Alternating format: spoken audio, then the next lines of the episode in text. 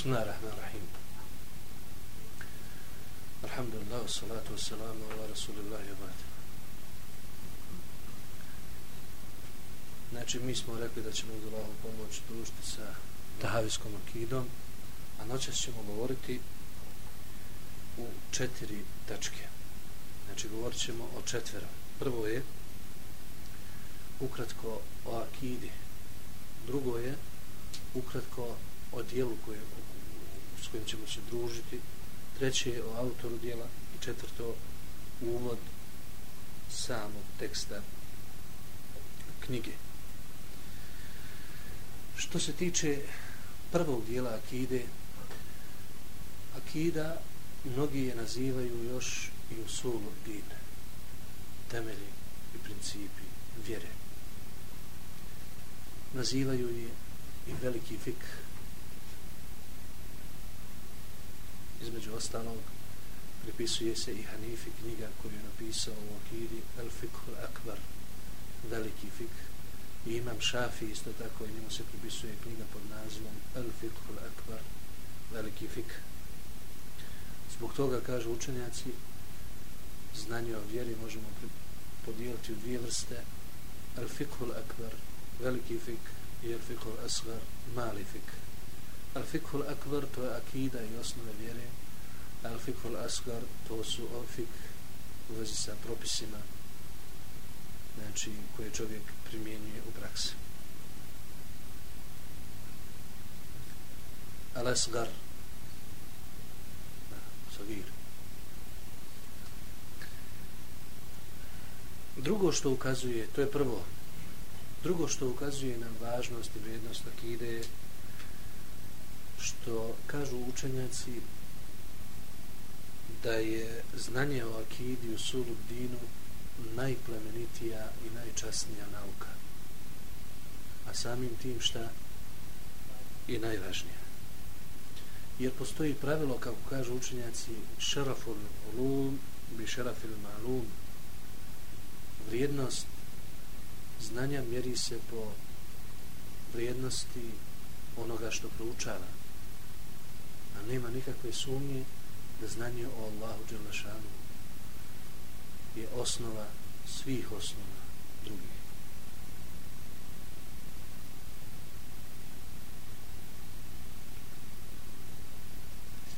treće što ukazuje na važnost akide je da je ona neophodna robovima više od bilo koje druge potrebe. Jer čovjekov život sastoji se iz dvije komponente. Prva je život duše, druga je život tijela. Ono što hrani tijelo, to je hrana i piće. A ono što hrani dušu, to je ispravno vjerovanje ispravna akida. Zato je Allah Đelešanu u Kur'an koji sadrži ispravno vjerovanje nazvao ruh. Jedno od imena Kur'ana je ruh. Što znači ruh? Ruh znači duh, duša, život. To znači da nema života za duše bez toga. bez te kuranske poruke kuranskog ispravnog vjerovanja. Zato učenjaci kažu koliko god je čovjeku darura darura, to je znači nužda, hrana, piće bez koje tijelo ne može obstati. Ispravno vjerovanje neće od te darure za dušu. Jer ona ne može opstati živa i živjeti i preživjeti ako bez, bez toga.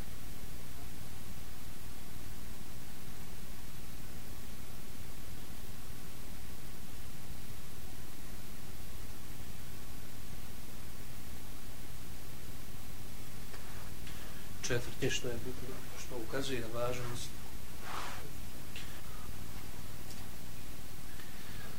imana imamo to vjerovanja dvije vrste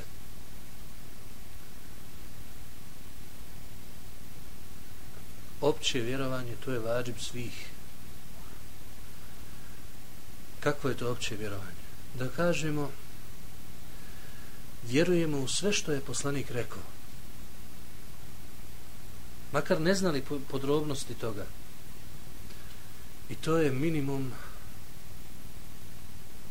ispravnog vjerovanja.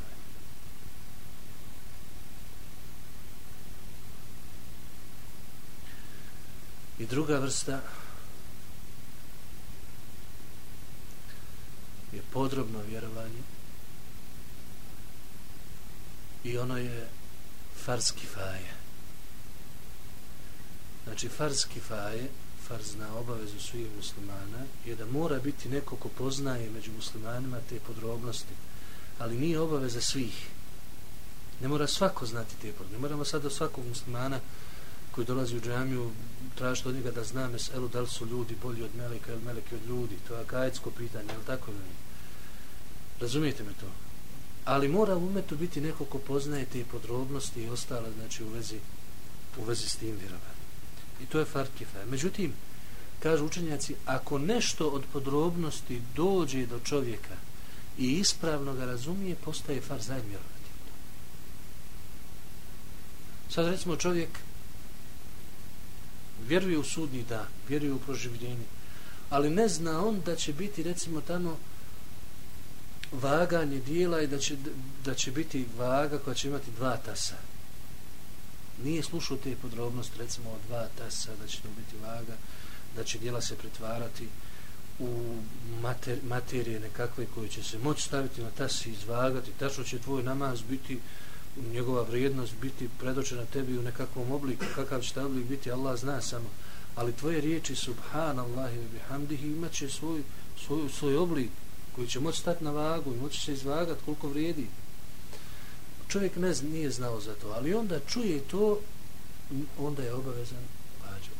Ako je to znači, ispravno došlo do njega i ako je ispravno shvatio i razumio.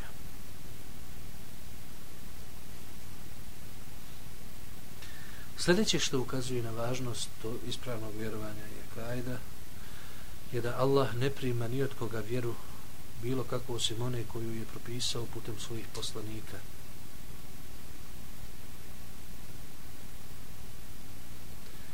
Naravno dokaza za to je više, ali jedan interesantan a to je dokaz u kojem Allah šanu kaže Subhana rabbike rabbil izzeti amma jesifun wa salamun alal mursalin alhamdulillahi rabbil alamin to često čujemo od ovih mojzina. Znači to je ajet u kojem Allah šanu kaže Subhana rabbike rabbil izze amma jesifu. neka je čist od onoga znači mi kad kažemo subhan riječ subhan znači kad kažemo subhanallah kao da kažemo Allah je čisto bilo kakve manjkavosti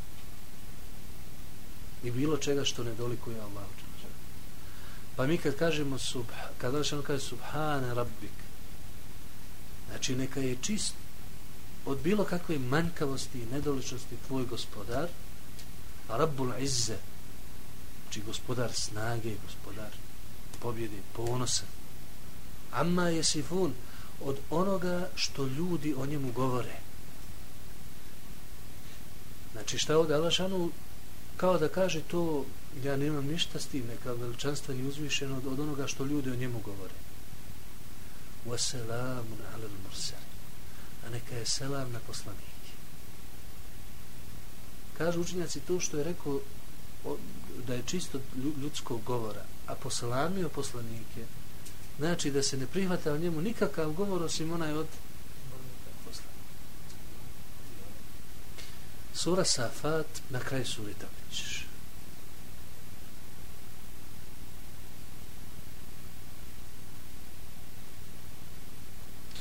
Znači, Mislim, nismo navodili, ali ovaj dokaz ovako ponavlja se, često čujemo, interesantan danas. Hmm.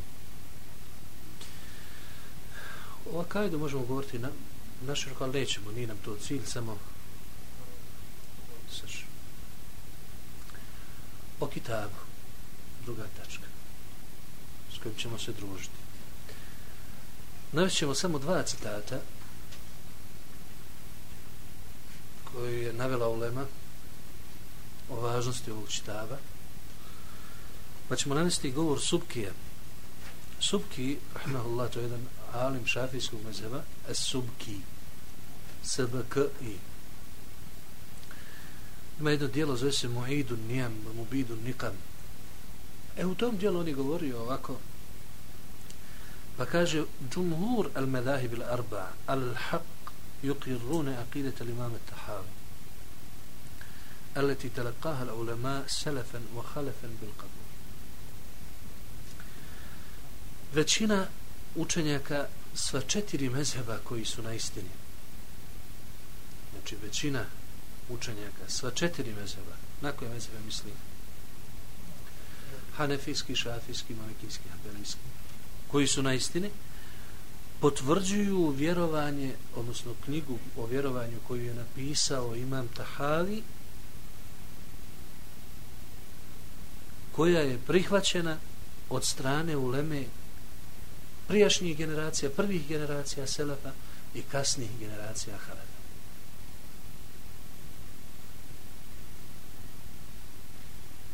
Znači, ovo svjedočanstvo Subkija šta nam govori? O ispravnosti i prihvaćenosti šta? Ove. Kaže Ahmed Šakir. Ahmed Šakir inače čovjek koji je živio znači krajem 19. početku 20. vijeka u Egiptu, veliki muhaddis i on je bio jedan od prvih ljudi koji je radio recenziju ove knjige kao vid pripreme za štampu i tako dalje. Pa kaže on فما إن شرعت في قراءته والتحقق منه حتى وجدت بين يدي كتابا يندر أن يؤلف مثله kaže samo što sam počeo iščitavati ovu knjigu i provjeravati njene tekstove vidio sam pred sobom knjigu koja koja se rijetko napiše.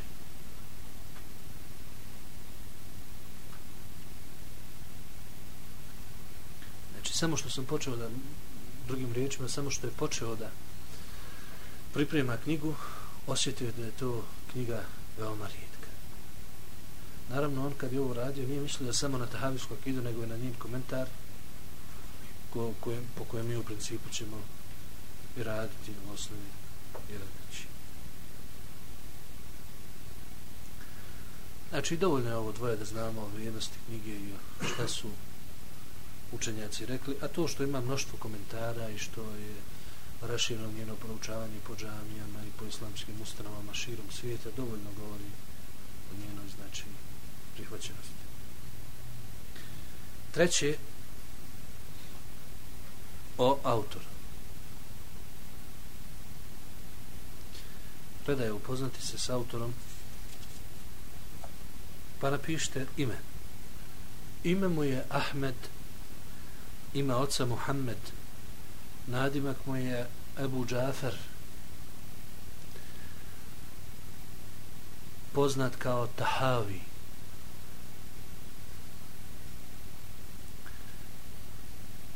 Se zove nisbe. Znači Tahavi, šta je Tahavi? Tahavi znači jedno mjestašce blizu Egipta. Iz Egipta znači. Isto kao kad kažemo sad recimo Denis sin tog i tog iz Zence. E tako ti je ono. Znači Ahmed ibn Muhammed at Tahavi rođenje.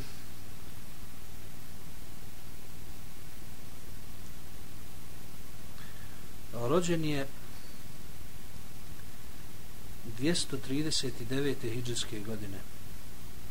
Od malena je tražio znanje i preselio se čak u Egipat da bi slušao u lemu tog vremena koja se nalazila tu. Nakon toga je naravno išao je ovaj po drugim mjestima što je bio običaj tada učenjaka i učenika da su tražili znanje u drugim mjestima. Imao je mnogo učitelja šehova. Neki navode brojku čak više od tri stotine njih.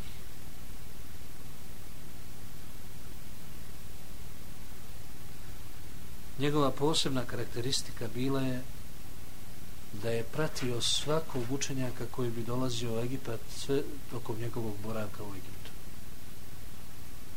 Znači u to vrijeme ulema je dolazila i prolazila i naravno da kad najđe neki alim na kroz neko mjesto čuje se za njega. Došao je i on je imao običaj svakog tog učenjaka pratiti tokom njegovog boravka u Egiptu. I uzimati naravno znanje od njega. Šta su rekli učenjaci o njemu? Rekli su da je bio fika thebt faqih. Fika znači pouzdan. Znači u svojoj vjeri ono što prenosi. Thebt znači da je bio pouzdan u prenošenju onoga znači u pamćenju. Bio je faqih veliki poznavalac fikha a Akil bio je od ljudi koji su bili izrazito inteligentni. Kaže ovaj ovdje autor lemio halif Mifle. nije iza sebe ostavio nikoga sličnog njemu. Ibn Kesir je o njemu rekao bio je od pouzdanih hafiza hadisa.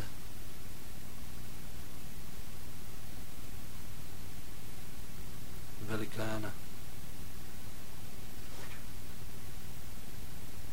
Ostavio za sebe brojna dijela naročito u hadisu a ima ih i u fiku preselio je četvrtak najveći s prva mjeseca Zulqijade u Egiptu 321. hijđarske godine to je to. Autor.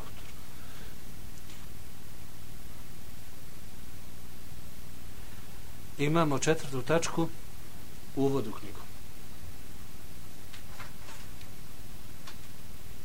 Pišite tekst knjige učite, morate naučiti. I na arapskom i na bosanskom. Bismillahirrahmanirrahim. S imenom Allaha milostivog samilosti Alhamdulillahi Rabbil Alamin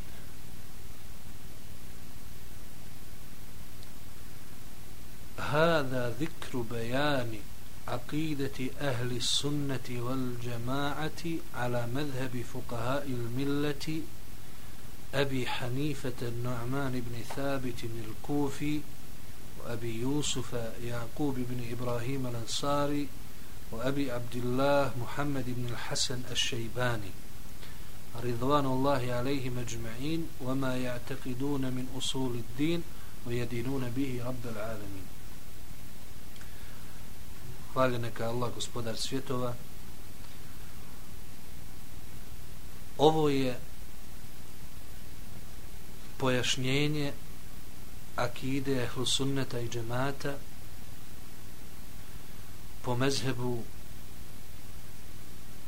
učenjaka fikha ovog milleta Ebu Hanife Nu'mana ibn Thabita Kufija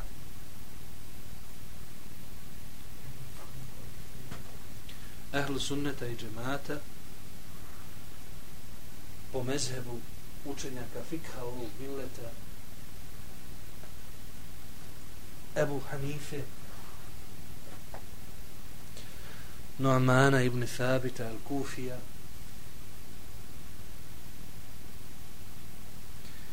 i Ebu Jusufa Jakuba ibn Ibrahima al-Ansarije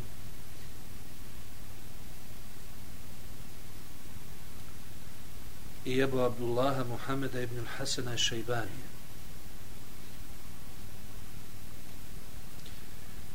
Neka je Allah zadovoljan sa svima njima i spomen njihovog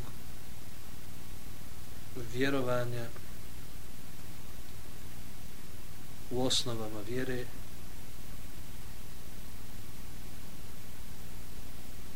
i onoga čime urobuju gospodaru svjetova. Čime obožavaju gospodara, gospodara svjetova.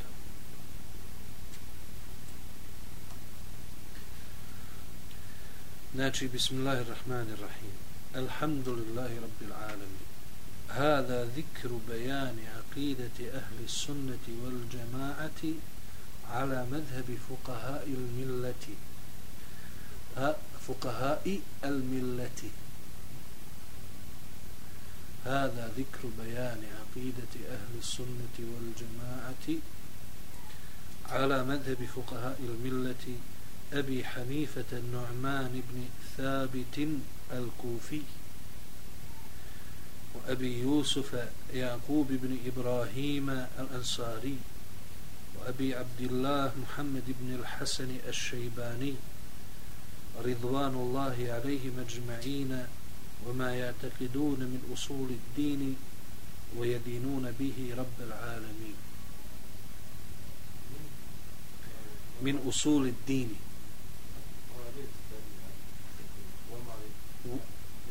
وما يعتقدون يعتقدون من أصول الدين من أصول الدين ويدينون به رب العالمين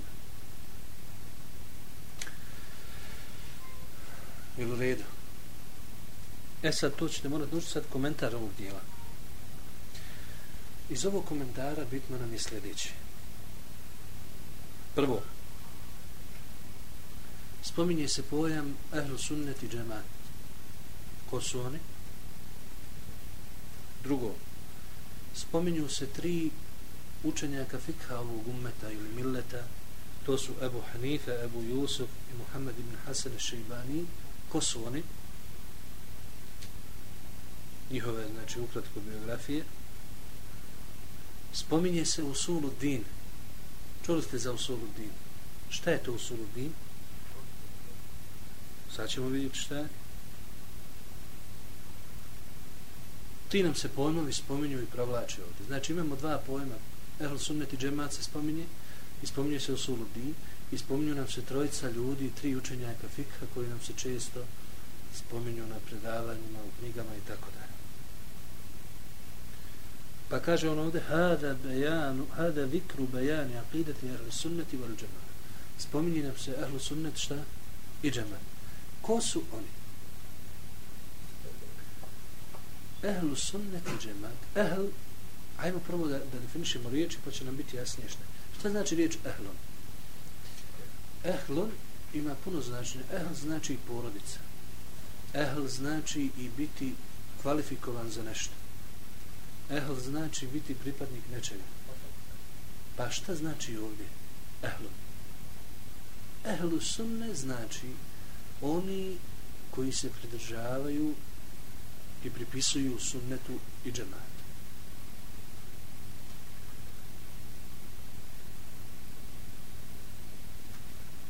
Šta je sunnet? Ehlu sunne ovdje riječ sunnet ima opš, op, opštije značenje od onoga koji se spominje u fikhu. Ovdje je sunnet u kontekstu sa Kur'anom, kad se kaže Kur'an i sunnet, znači cjelokupna poslanikova uputa. Cjelokupna poslanikova uputa. Čak kad se u tom kontekstu, kao što je ovaj spomene Ehlu sunnet, ulazi tu i Kur'an. Kontate to. Zašto? Ko je donio Kur'an? Poslanik sam se Ko je slijedio Kur'an najdosljednije? Što znači kad kažeš Ehlu sunnet, sljedbenik sunneta podrazumijeva to u prvom redu i sljedbenike Kur'ana. Razumijete to? Znači, ehlu sunnet. Znači, oni su oni koji slijede šta? Sunnet kao uputu. Cijelokupno. Što ulazi cijeli islam. Wal džema i džemat. Kakav džemat? Šta džemat? Zajednice muslimana uopšteno koji su se udružili na sunnetu. I zbog toga kažu učenjaci nećete naći kod sledbenika sunneta da se razilazi na stotinu nekakvih sekti. Kod šija imaš džaferije, imaš jezidije, imaš isnašerije, imaš stotine nekakvih. Kod motezila, kod ovih, kod onih imaš maturidije, žarije, ono, a kod ehlu sunneta nema. Samo ehlu sunnetu džemati gotovo. Znači, jeste li sad skontali što znači Erlusu Dobro. Znači, sad nama, ovaj, šta hoće Tahavi da kaže, da pojašnjava akidu tih sunneta i džemata, sudbenika sunneta i džemata, pa da vidimo što je. To je znači prvi pojam koji nam se šta spomeni. Koji je drugi pojam? Tri učenjaka. Šta nam je prvi rekao? Ebu Hanife, fukaha ul millet. Kaže ovde Ebu Hanife, to nije ime, to je nadimak, je li tako ili nije? Punija. Njegovo ime je Nu'man. Njegovo ime je An-Nu'man, ime oca Thabit. Ime oca šta? Thabit, kod nas Thabit.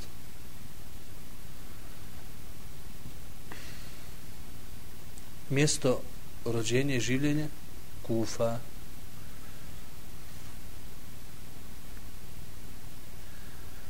Rođen je 80. hidžetske godine. Što znači veoma rano ili s naše strane gledišta veoma ovaj, blizu poslanika sa sebe. Susreo se sa grupom ashaba.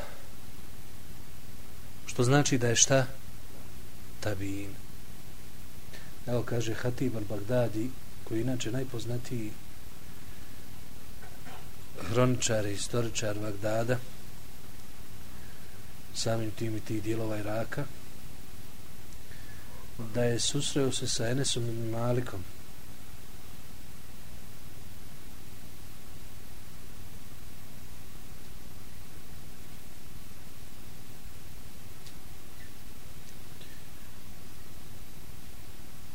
Kaže dalje bio je učen pobožan skroman praktikovo je što je znao. Bio je veoma bogobojazan i klonio se, sum, klonio se sumnjivih stvari. Bio je skrušen stalno ponizan Allahu umro je 150. hiđarske godine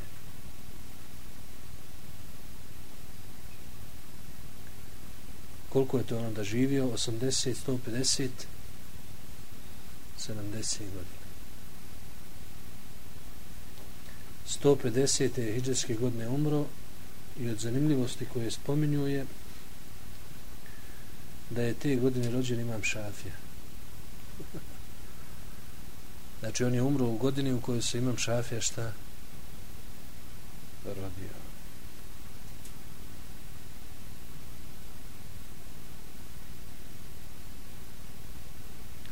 To je bio ko?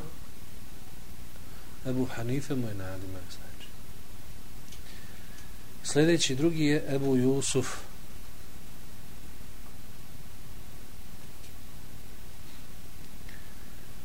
Ebu Jusuf mu nije ime, to je šta? Ime mu je Jakub. Ime oca Ibrahim.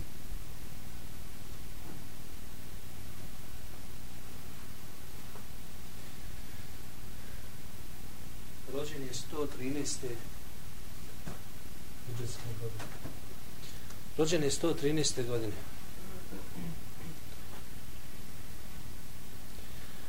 Učio je kod Ebu Hanife, a i kod drugih. A od njegovih učenika je bio i Imam Ahmed.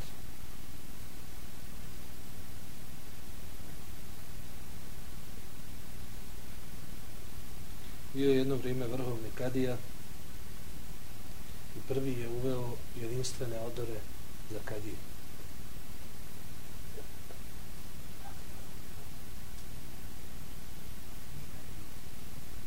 Vrhovni kadija. Tu je ostao do smrti, a umro je 183. godine.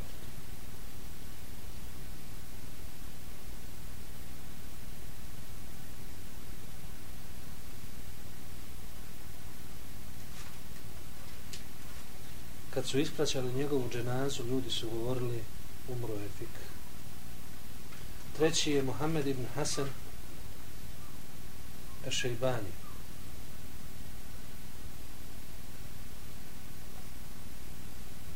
Nadimak mu je Ebu Abdullah. Prvo ime Ebu Hanife, drugo Ebu Jusuf, ovo Ebu Abdullah. Ime mu je Mohamed, ime oca je Hasan. Rođen je 132. hijđarske godine. učio je kod Ebu Hanife pa i Malika pa čak i Ebu Jusuf bio njegov učitelj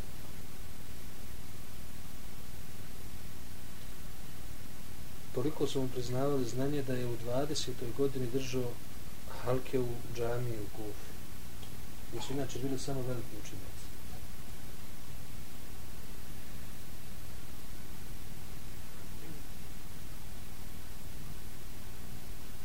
Pitali su jednom imama Ahmeda odakle se izvuko te precizne mesele, te malo teže kaže iz knjiga Muhammeda ibn Hasana Šeibana.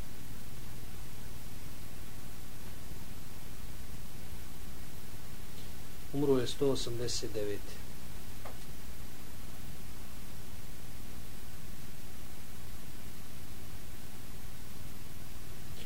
Čak se prenosi da je on jedan od prenosilaca Muvata i Malika. Inače, Muvata i mama Malka premijeni su dvojica Jahja ibn Ahja koji je iz Andalusa. I to je onaj poznati rivajet koji je bio štampar i tako dalje. A drugi rivajet je Muhammed ibn Hasan i Šeibanija gdje je on puno toga dodao od Ebu Hanife i ostalih fetava. I to je rivajet po, po kojem je prevođeno ovo kod nas Ostalo nam je još tarifu u Suludin, ali tako? ne?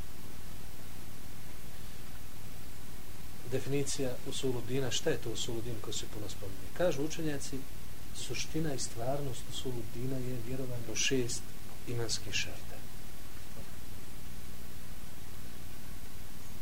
To je u Postoje još i drugi nazivi koji su u tokom istorije korišteni za njega. Jedan od naziva je sunne. Je sunne. Znači neki, pogotovo recimo u vreme mama Ahmeda i drugih, dođeš knjiga o Akajdu, nosi nazive sunne. Znači u Suludinu drugo je Fikul lekbar veliki fik treće akida četvrto al usul Pri temelju neki nazivaju iman neki čak nazivaju tevhid kad kažu e, tevhid znači Usuludin. to se zavisi od terminologije onoga koji je pisao određeno djelo što nam ukazuje da je veoma važno poznavati terminologiju koji, koji je koristio autor nekog djela i slično